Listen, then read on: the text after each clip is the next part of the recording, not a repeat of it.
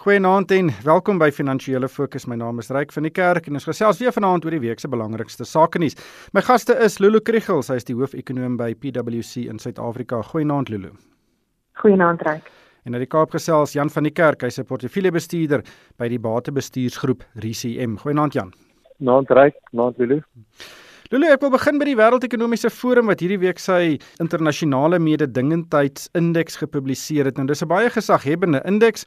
Dit vergelyk die aantreklikheid van ekonomieë in lande met mekaar as een van die min indekse wat dit doen. En Suid-Afrika het met 7 plekke tot die 60ste posisie uit 141 lande verbeter. Dit is dus 'n beter vertoning as verlede jaar. Wat maak jy daarvan? Ja, dit is definitief 'n bietjie goeie nuus wat ons nodig het. Ons het in 2017 was ons in die 57ste posisie.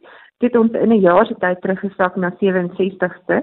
So hierdie skuif weer na 60ste is natuurlik uh, definitief goeie nuus. Ons sê dis een van daardie verslae wat buitelandse beleggers na kyk uh, wanneer hulle dink daaraan om om te belê in 'n land.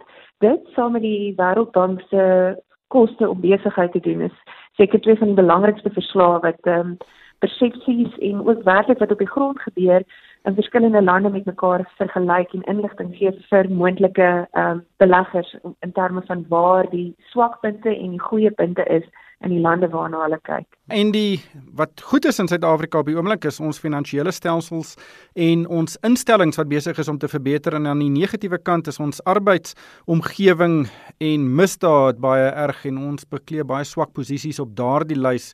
Maar dis ook nie dinge wat ons uh, werklik nie geweet het nie.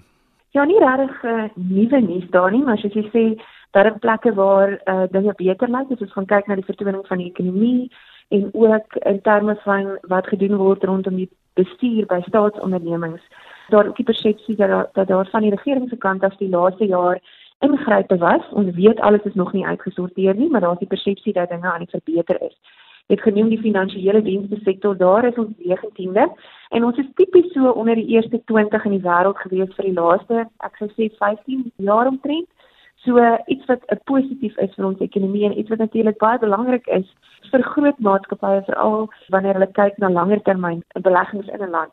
En natuurlik in die arbeidsmark soos wat jy reeds genoem het, daar is ons hier in die 130ste posisie rond en die gevoel is dat ons arbeidsmark is nie is nie buigsaam nie. Dit uh, neem nie in ag uh die behoeftes van werkgewers nie. Dit is nie maklik om iemand in diens te neem nie. Dit is nie maklik om van iemand ontslae te raak wat nie sy werk doen nie en dit ongelukkig wanneer mense kyk na uitbreiding of investering in 'n bepaalde land vir al langtermyn dan is dit iets wat 'n rol speel. Weereens soos jy reg gesê het, nie iets nie staan nie, dis iets wat ons al vir 'n hele paar jaar lank weet, maar dit is my jammer dat ons nie 'n bietjie beter begin doen met die tyd daar nie. Ek sou reken daar met redelike groot veranderings in die arbeidsmark en selfs in die arbeidswetgewing wees voordat ons daardie werklike verandering in daardie posisie gaan sien. Suid-Afrika se ekonomie is omtrent die 35ste grootste in die wêreld, so ek neem aan dit sal die posisie wees waarvoor ons moet mik dit ek dink dit is dis redelik om te verwag dat ons daar rond moet wees. As ek nou dink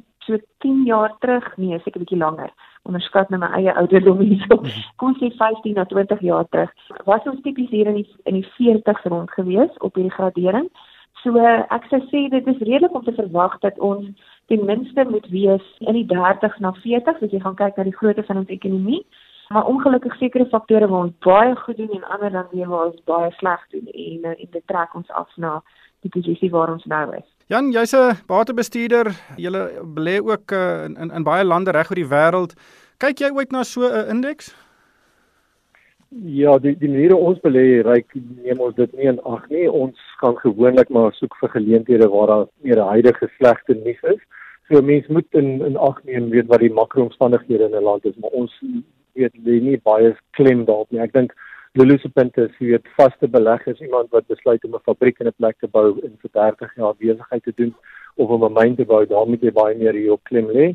Jy weet batebestuurders se tydhorison is 10 teen 1, jy weet 5 jaar of so, so ek dink daar is huidige waardasies baie meer belangrik as die as die makrofaktore. Jan, ek bly sommer by jou die nog 'n groot nuus gebeurtenis van die week is die voortsetting van hierdie geveg tussen Donald Trump en China en die onsekerheid wat dit meebring. Daar het hierdie week baie gebeur op daardie front. Hoe, hoe sal jy dit opsom? Ja, ek dink die jy verwys na onsekerheid. Ek dink dit is al so weet so deel van die van die nuusmedia geraak dat almal is al gewoond daaraan. Dit is eintlik al sekerheid dat meneer Trump iets gaan tweet uh, rondom die weet die onderhandelinge met China. Ons weet die onderliggende frustrasie van die Amerikaners is hulle groot handelstekort met weet die res van die wêreld en hulle fokus op China hoofsaaklik weet om om dit uit te wys en hy is besig met 'n lang onderhandeling en hy doen dit baie publiek.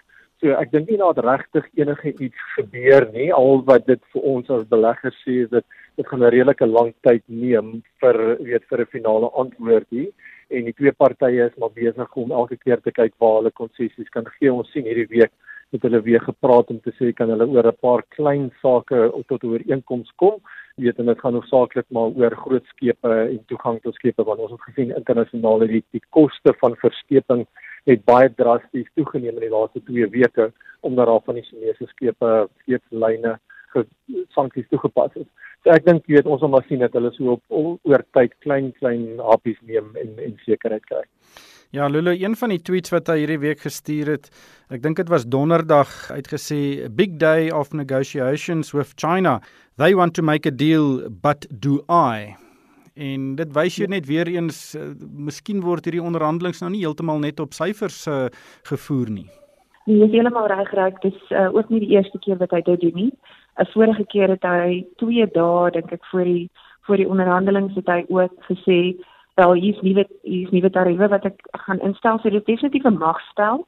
Daar is 'n baie mooi China te sê luister, ja, julle julle mag dalk dink julle wil by 'n punt uitkom, maar ek is nou nie heeltemal so seker nie. So dis is regtig 'n bietjie van 'n amper 'n sarkastiese aanmerking en dis 'n magspel van sy kant af. Ek dink dis die 18de ronde van onderhandelinge wat hulle nou deurgaan en dan het hulle natuurlik ook hierdie week het Amerika verdere sanksies ingestel teen 58 Chinese maatskappye in die tegnologiese omgewing. So ehm um, dit raak nou baie wyer as net uh net handels uh, jy weet 'n handelsgeveg en dit begin nou regtig op 'n maatskappy vlak gebeur. So dit gaan nie net meer oor produkte nie, maar dit gaan nou oor 'n spesifieke maatskappy. Hulle eerste beweging was natuurlik met Huawei, so 'n paar maande terug en nou lyk dit asof dit begin uitkring na ander plekke toe. So dit veroorsaak heelwat onsekerheid in die wêreldmarkte en die wêreldekonomie maar niemand weet eintlik wanneer ons by 'n punt gaan uitkom en of ons ooit by 'n punt gaan uitkom. Maar dit het ons wisselkoers geraak tesame met ander aankondigings in die buiteland. Uh, die rand het heelwat verstewig hierdie week en dit is uh, Jan verseker nie weens uh, plaaslike faktore nie want ek dink nie daar het eintlik iets gebeur wat dit sou kon beweeg die afgelope week of wat nie. Ja nee, wat ek dink dit sal moeilik wees om weer plaaslike faktore te kry om die rand te verduidelik. Dit is noodsaaklik die die dollar wat 'n bietjie verswak het die afgelope tyd. Lulu, die volgende paar weke gaan eintlik baie interessant wees in Suid-Afrika.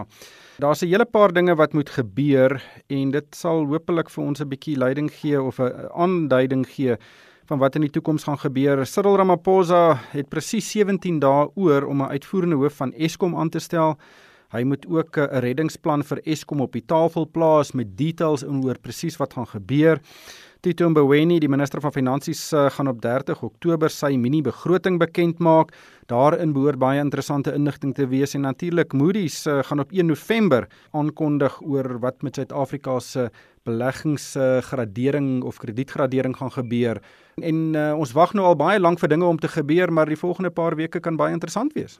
Ja, dis uh, goed dat ons nou spesifieke datums en tye en dinge in plek het die eerste aankondiging wat ons gehoor het van die herstrukturering van Eskom was in die staatsrede in Februarie en intendeel ons het reeds in Maart maand al meer spesifieke nuus verwag. So dis jammer dat ons so lank moet wag, moet wag, maar ek reken dit is maar 'n groter gemors om uit te sorteer. So die volgende paar weke is regtig maak of breek vir Suid-Afrika ten minste vir die volgende paar jaar. Ek sou nou nie sê jy weet die besluite wat geneem word hier gaan vir ewig die rigting van Suid-Afrika se ekonomie bepaal nie, maar ten minste vir die volgende paar jaar gaan dit 'n baie belangrike aanduiding gee van of ons of ons die regte besluite uh, geneem het of die regering die regte besluite geneem het en vir al die besluite oor Eskom, dink ek gaan se Moody's 'n uh, baie baie groot aanduiding gee van of hulle nog steeds gaan sê wat hulle 'n paar weke gelede gesê het en dit is dat hulle nie op hierdie stadium dink Suid-Afrika hoef afgegradeer te word nie. So uh, dit was 'n stukkie nuus wat hulle vir ons gegee het. Ek was redelik verbaas daaroor, maar baie bly en baie verlig. en ek dink die volgende paar weke en wat daar uit gaan kom gaan vir Moody's definitief sê ja, ons bly waar ons is of nee. Ehm um, so jammer Suid-Afrika, julle kry nou die rooi merkie van ons af ook. Ja, Eskom is die olifant in die kamer of seker die blou walvis as mens dit so kan stel. Ja. Jan, ehm um, die tesorie gaan vir Eskom geld gee. Hulle het dit reeds gesê hulle gaan dit doen, maar hulle het van hierdie week aangekondig daar is 28 streng voorwaardes vir hierdie hulppakket en Eskom moet onder meer daaglikse verslae oor Eskom se kontantposisie aan die tesourier gee. Hulle moet ook maandelikse verslae oor inkomste en uitgawes vir die tesourier gee. Basies gaan die tesourier 'n kamp opslaan binne in Eskom om seker te maak dat daai geld gebruik word net om rente en skuld te betaal en dat dit glad nie gebruik word om bedryfsuitgawes te finansier nie. En ek dink dit is uh, baie positief dat hierdie voorwaardes bekend gemaak is. Uh, dit wys dat die tesourier nou nie net gaan geld uitdeel soos wat die staatsbeheerde entiteite wil hê nie. Ja, ek dink uh, ek was baie beïndruk met die lys van voorwaardes wat opgestel is. Dit duidelik dat iemand uh, weet bietjie gedink het daaroor. Dit is hartseer dat mense instansies so groot en so belangrik soos Eskom op hierdie manier moet hanteer, maar dit is wat wat op hierdie stadium nodig is ek dink weet meeste van die 28 punte is eintlik net goeie goeie koöperatiewe bestuur wat toegepas moet word en ek dink dit is belangrik dat die tesorie seker maak dat al die maatreëls in plek sal wees voordat hulle weet aandeelhouers se kapitaal in die besigheid belê. Die een ding wat vir my interessant is en waar mense sal moet sien wat hoe dit gaan uitspeel is daar 'n vereiste dat Eskom moet weet agterstallige skuldverhaal is spesifiek van Soweto uh, Township. Uh want ons weet dit is 'n baie sterk politieke weer dryfveer daarin. Dis wel interessant wie hoe hulle dit hanteer. Ja, Lulu, enige goeie nuus uit Eskom uit behoort baie goed te wees want op die oomblik is dit net slegte nuus, slegte nuus, slegte nuus. Ja, en ek dink ehm um, soos jy reeds gesê het, Eskom dink ek het op hierdie stadium die of wat besluit word rondom Eskom is basies die grootste faktor wat Suid-Afrika se fiskale toekoms uh, gaan bepaal en wat wat gaan bepaal of ons uiteindelik 'n bietjie van daardie staatsskuld kan terugwerk met ter tyd wat nou al oor die 60% is of ons kan terugkom na die onder 30% wat ons 'n paar hele paar jaar gelede was en hoe die begrotingstekort ook gaan lyk. So dit is absoluut ehm um, deurslaggewend vir Suid-Afrika se fiskale toekoms in terme van wat met Eskom gaan gebeur en wat besluit gaan word en ek dink hierdie voorwaardes wys regtig dat tesorie baie ernstig is en ek uh, kou daarvan dat hulle gesê het maar julle moet julle skuld gaan verhaal want dit is waarskynlik ook een van die groot probleme was nie die enigste probleem nie maar een van die groot probleme waarmee Eskom sit. Jan op die koöperatiewe front het ons gesien dat Old Mutual en Pieter Moyo weer in die hof geboks het. Old Mutual het gesê die verhouding tussen die partye het totaal en al afgebreek. Dit kan nie herstel word nie. Pieter Moyo op sy beurt het weer eh, 'n uh, skikkingsbedrag van 250 miljoen rand op die tafel geplaas. Dit is boonbehalwe die 36 miljoen rand wat hy in die vorige boekjaar verdien het en die 4 miljoen rand wat hy vir sy kennis tydperk uh, betaal is. Verskeie groot institusionele aandeelhouers was nie beïndruk hiermee nie. Hulle wil nie hê dat daar 'n skikking moet wees nie. Uh, daar was een of twee wat gesê het skik net met die man en maak net seker dat hierdie situasie weggaan. Wat maak jy van hierdie hele storie? Ja, kyk, dis redelik duidelik dat die twee partye se verhouding is onregmaakbaar verbreek en dis 'n baie publieke manier wat hulle uh hulle baie skei op die oomblik.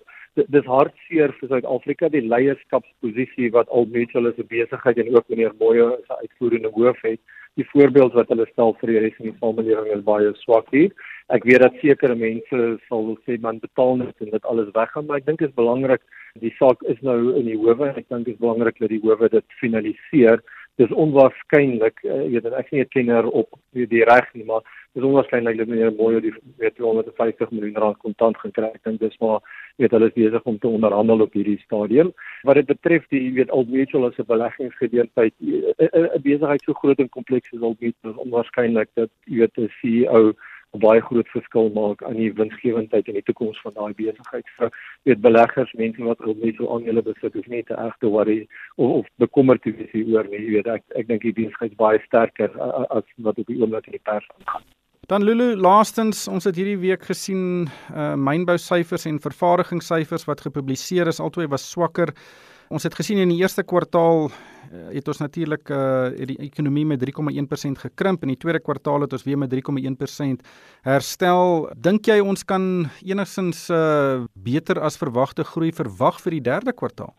Raak ek twyfel as ek sien na hoe gemeng die die syfers is wat op wat ons op hierdie stadium kry. Min Julie se mynbousyfers was was baie goeie nuus. Ek dink die eerste keer in amper 9 maande wat ons positiewe groei gesien het en basies oral behalwe goud en toe kom die Augustus syfers by, by en uh, ons sien dat uh, ongelukkig het mynbouuitsette weer ingekrimp. So dit lyk nie of dit 'n uh, of dit 'n permanente volhoubare tendens is op hierdie stadium nie. Vervaardiging selfs op 'n jaar op jaar grondslag in Julie en Augustus ingekrimp. Ons weet natuurlik dat vervaardiging omtrent 13% van ons BBP bydra en mynbou was natuurlik die grootste bydraende faktor tot die groei wat ons gesien het in die in die tweede kwartaal. Motorverkope het het goed gelyk. Uh, die syfers wat vanaand se afkom wys dat daar positiewe nuus is rondom motorverkope. So regtig 'n bietjie van 'n gemengde inligting wat ons op hierdie stadium van die mark af kry. So my gevoel is ons moenie verwag dat uh, ons enigstens groei gaan sien wat totaal en al ons gaan verras weer na die positiewe kant toe soos in die tweede kwartaal nie. Maar dit gaan darem 'n groen nommer wees. Ek dink dit sal 'n groen nommer wees. Ek dink die die gewig is meer aan die groen kant op hierdie stadium as ons kyk na wat aangaan. Daar's ook syfers gewees rondom verkooptransaksies met kaarte en so en wat ook wys dat die verbruikers daarom weer 'n bietjie geld spandeer en dalk in 'n bietjie van 'n beter posisie is, miskien met die rentekoersverlaging, alhoewel ek dink dit was nie dit was nie genoeg nie. Maar ek dink ons sal 'n syfer in die groen hê, maar ons moet definitief nie weer 3.5% verwag nie. Ons sal daar moet haltroep die tyd het ons ingehaal. Baie dankie aan Lulu Kriegel, sy is die hoofekonoom van PwC in Suid-Afrika en ook Jan van Niekerk, hy's 'n portefeuljebestuurder by die batebestuursgroep RCM. En van myself Ryk van die Kerk, dankie vir die saamluister en ek hoop almal het 'n winsgewende week.